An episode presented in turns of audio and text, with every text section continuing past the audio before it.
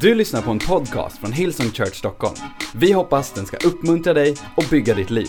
För att få mer information om Hillsong och allt som händer i kyrkan, gå in på www.hillsong.se. Det här året känns som att det har varit mer väntan än någonsin.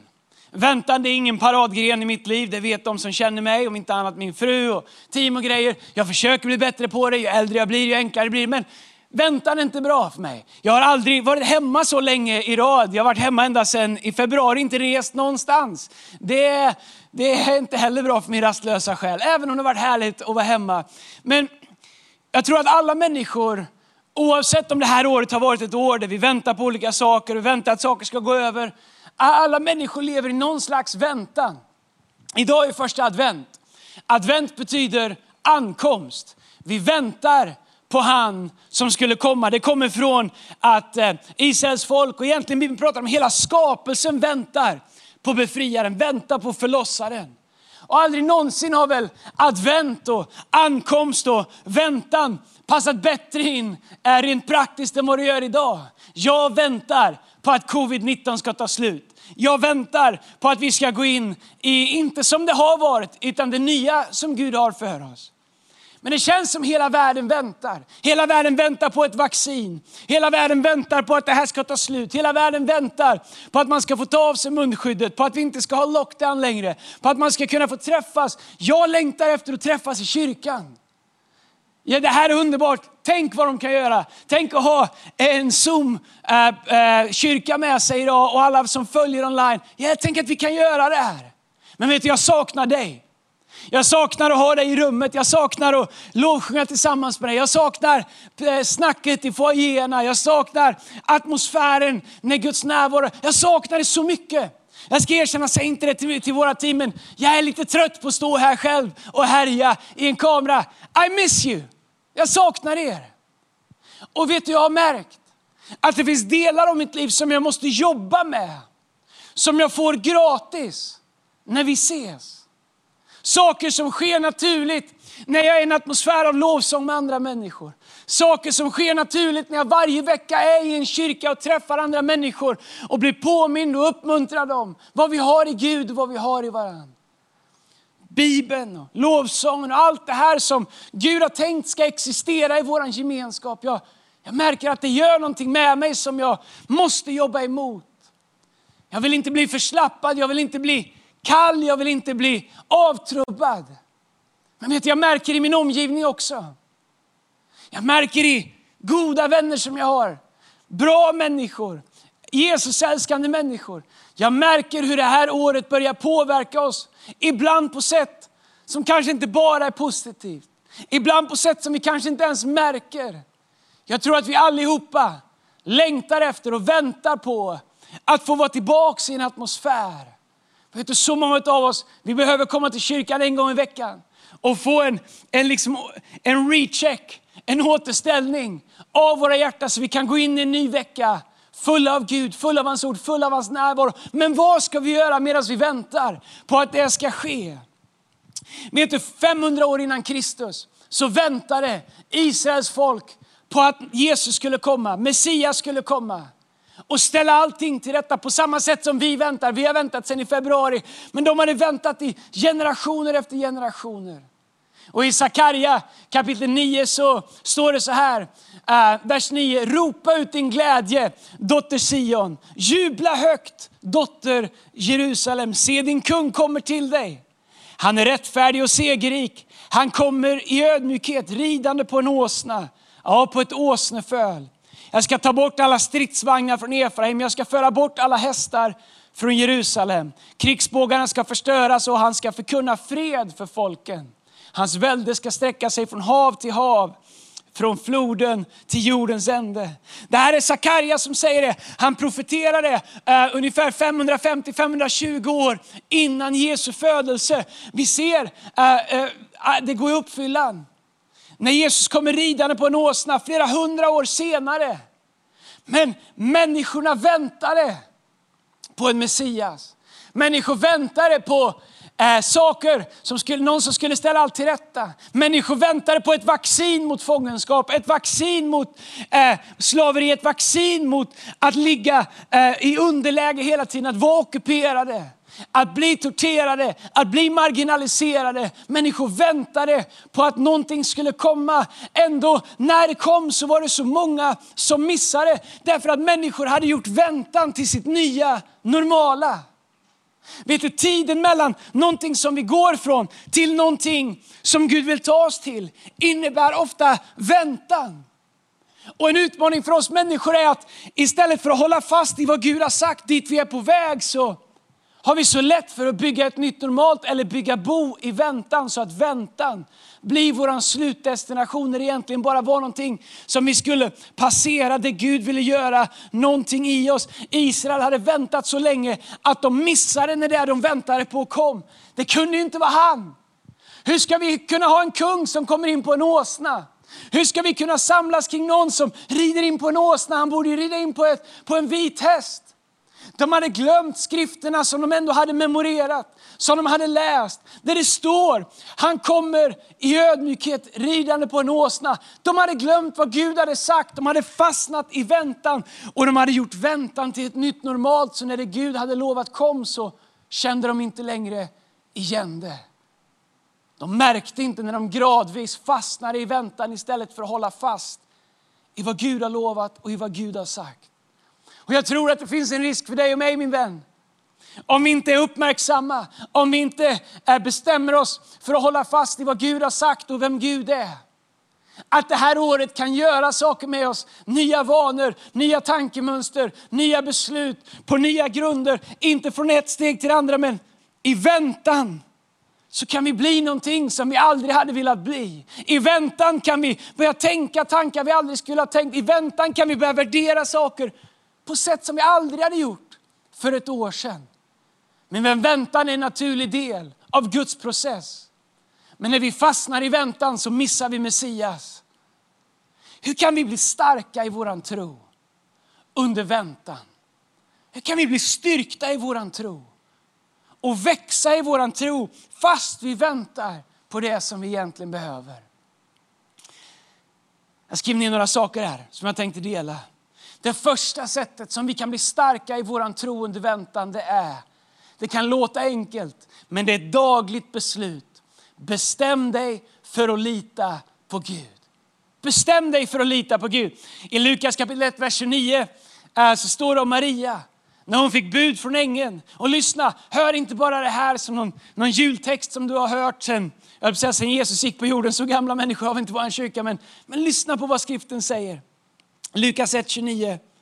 Men ängeln kom in och sa till henne, gläd dig du högt benådade, alltså Maria. Herren är med dig. Maria blev förskräckt och undrade vad ängeln kunde mena.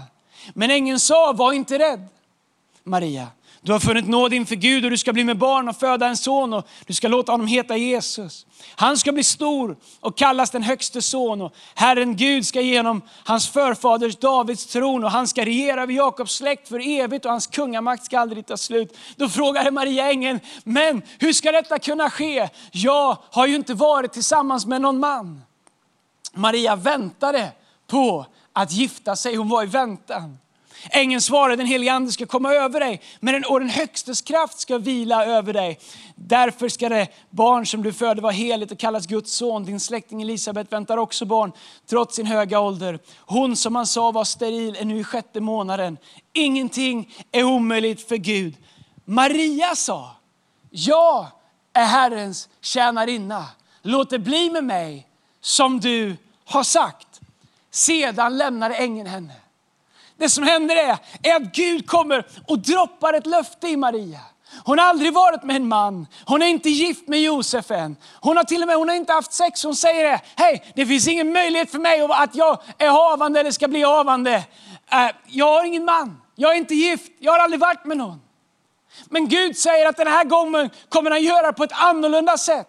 Maria hon sa, jag vet hur barn blir till och jag har inte varit där.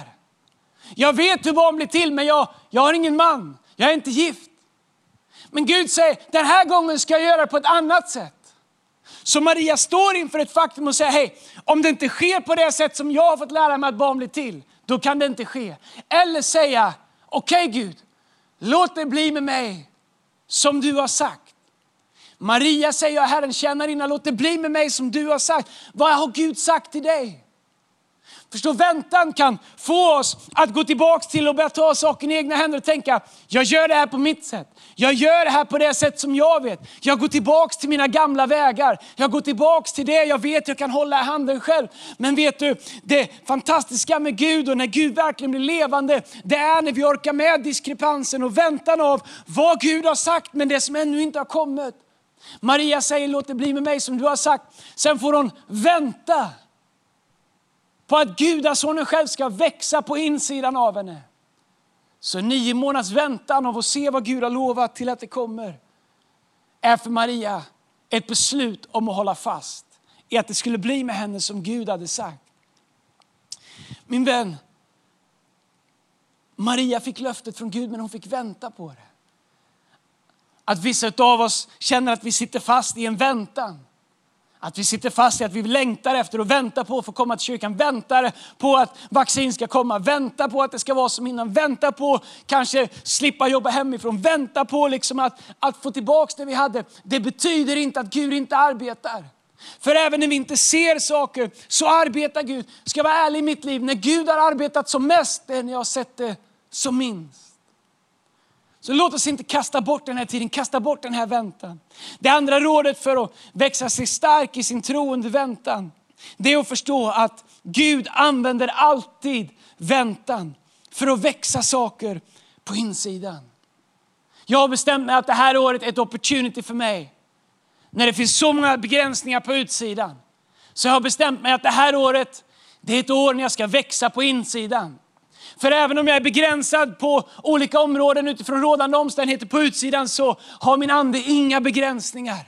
Gud är gränslös, Gud är utan begränsning. Skulle någonting vara omöjligt för honom jag har bestämt mig att det här ska vara ett år när det kanske ser ut som det står stilla på utsidan, vilket det inte gör. Men jag har bestämt mig att det här ska vara ett år när min ande får växa, när min tro får växa, när mitt lärjungaskap sätts på prov, när min efterföljelse hamnar mer i mina egna händer än vad det hamnar i en kontext av människor. Då ska det här bli ett år när mitt inre liv växer. Det är ingen bortkastad väntan. Det är ingen, vi, har, vi har inte gått till ide det här året och bara väntat på att något ska bli bättre. Nej, det här är ett år när du kan växa i din tro. När du kan växa i din närhet till Jesus, när du kan växa i din intimitet av hans närvaro i ditt liv. När du kan lära dig att umgås med Gud på ett sätt som du aldrig har gjort tidigare. Och se att det Gud har lovat, det låter han växa i väntan.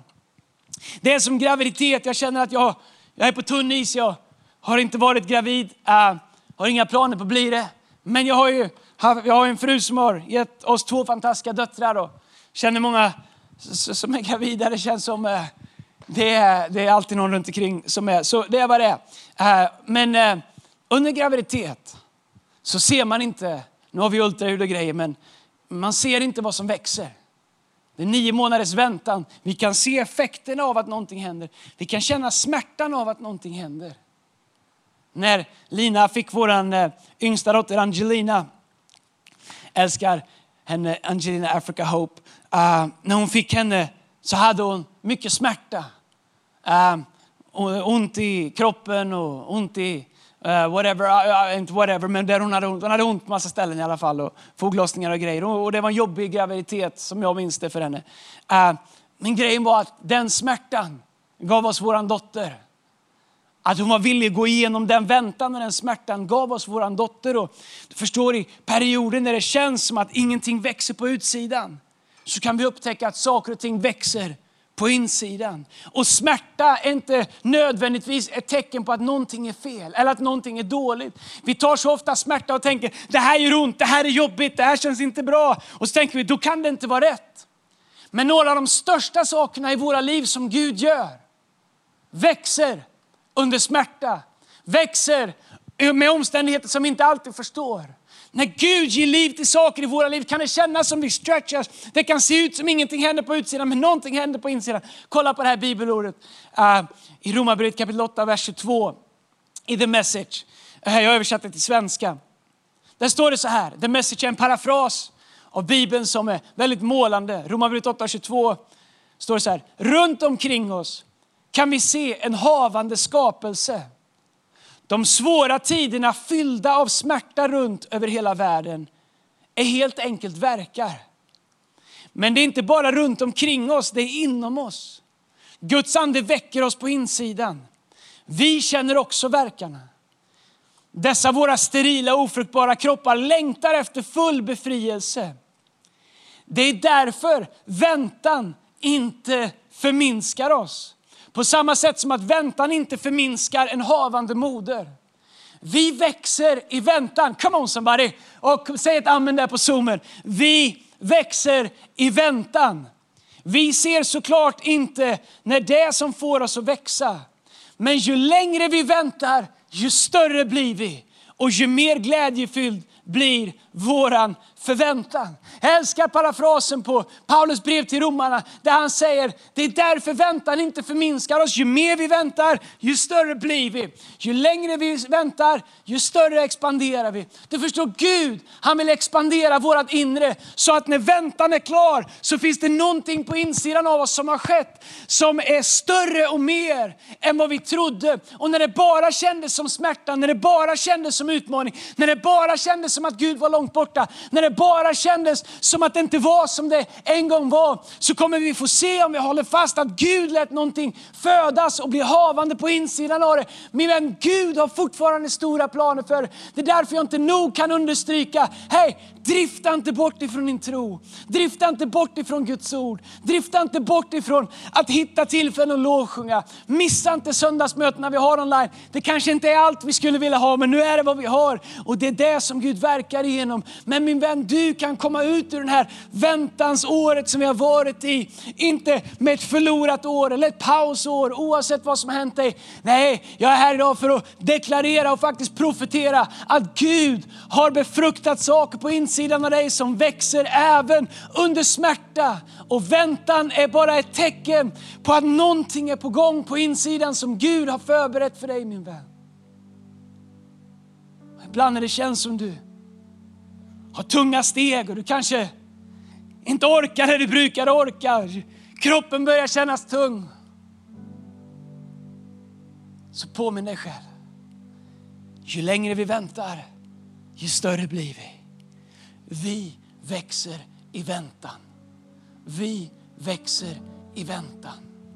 Min vän, det här året har potential att bli det bästa mest intima året mellan oss var och en och Gud någonsin. Om du säger det har inte varit så det här året för mig, och då kan det bli ett sånt år. Vi har fyra veckor kvar på det här året, fyra eller fem. Du förstår, Gud han förändrar hela världen på tre dagar. Det här året, det kan bli det som Gud har sagt, även med bara fyra, fem veckor kvar. För dig som inte har öppnat din bibel på ett tag. Kom ihåg vad Bibeln säger. Det finns ingen fördömelse för den som är i Kristus. Öppna den. För dig som har gått tillbaks till gamla sätt att tänka.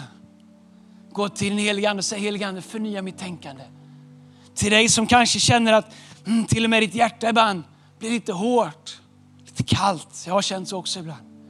Gå till den helige Ande och be honom förnya ditt inre. Påminna dig om vad han har gjort för dig och vad han har för dig, hur mycket han älskar dig. Du förstår, om vi känner att det uppstår distans mellan oss och Gud så är det inte för att Gud flyttar sig. Han har sagt att han är en fast klippa, han står alltid kvar. Faktum är att han lämnar oss aldrig, han överger oss aldrig. Men det här året medan du väntar, Gud gör saker inom dig. Gud gör stora saker inom dig. Och jag ser fram emot att se vad den här väntan kommer föda i ditt liv, i våra liv i vår gemenskap, för vår stad, för vårt samhälle. För vi som kyrka, vi är inte här för att överleva. Vi är här för att vara himmelens reflektion av vad Gud hade tänkt att skapelsen och mänskligheten skulle vara. And we got a long way to go. Men jag tror att Gud föder någonting. Jag märker att han föder saker i mig. Ibland tar det längre tid än vad människor vill att ska göra. Men vet du, ibland så måste Gud få göra saker i oss. Han förvandlar, han förändrar oss. Step by step. Men det vi kan göra det är att hålla våra hjärtan mjuka hålla vår ande mjuk så att Gud kan få sin vilja och göra det han har tänkt i våra liv. Min vän, jag undrar vem Gud är för dig. Kanske är du med oss här idag. Och du är med oss alltid. Du är en del av vår kyrka. Du älskar Jesus. Du har en stark relation med Gud. Du känner att livet är på topp. Amen. Awesome. Be för oss. Kanske är du här idag och du känner att det här har varit ett tufft år. Jag älskar Gud, jag älskar kyrkan, var det alltihop det här. Jag planterade visionen, jag efterföljare till Jesus. Men det här året har gjort någonting med mig. Jag bara känner att det, mm, det är inte vad det, vad det var för ett år sedan. Sakta men sakta men sakta men sakta men sakta så har saker förflyttats på insidan av dig. Inte för att du vill utan du saknat gemenskapen kanske. Det har varit en annan vardag. Men jag ska be att Gud som kan förnya saker på en sekund skulle göra det i ditt liv. Men också att du fick modet att titta på dig själv och säga, vet du vad? Jag ska dra mig närmare igen. Jag ska öppna mitt hjärta igen. Jag ska göra mitt hjärta mjukt igen.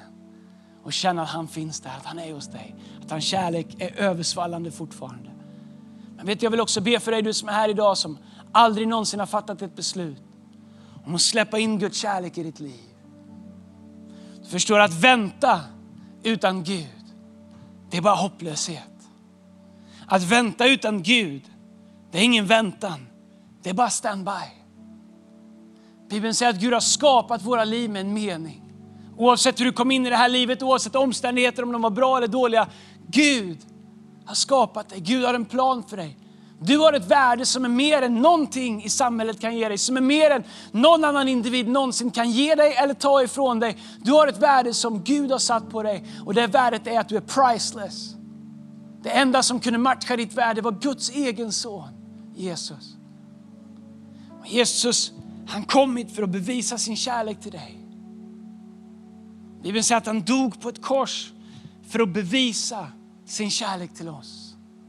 Min vän, det här livet jag pratar om, det är inget liv som vi uppnår genom religiösa övningar. Genom att skärpa till oss, genom att försöka bli lite bättre eller bli präktiga. Det har inget med präktighet att göra. Det här livet är en gåva som Gud ger oss. Det går in i våra hjärtan. Se, religion säger till oss att det går via hjärnan.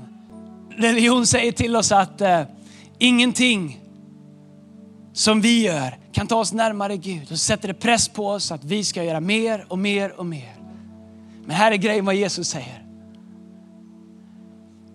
Här är grejen vad Jesus säger. Jesus säger att om vi öppnar våra hjärtan och tar emot honom så förlåter han våran synd och han ger oss nytt liv.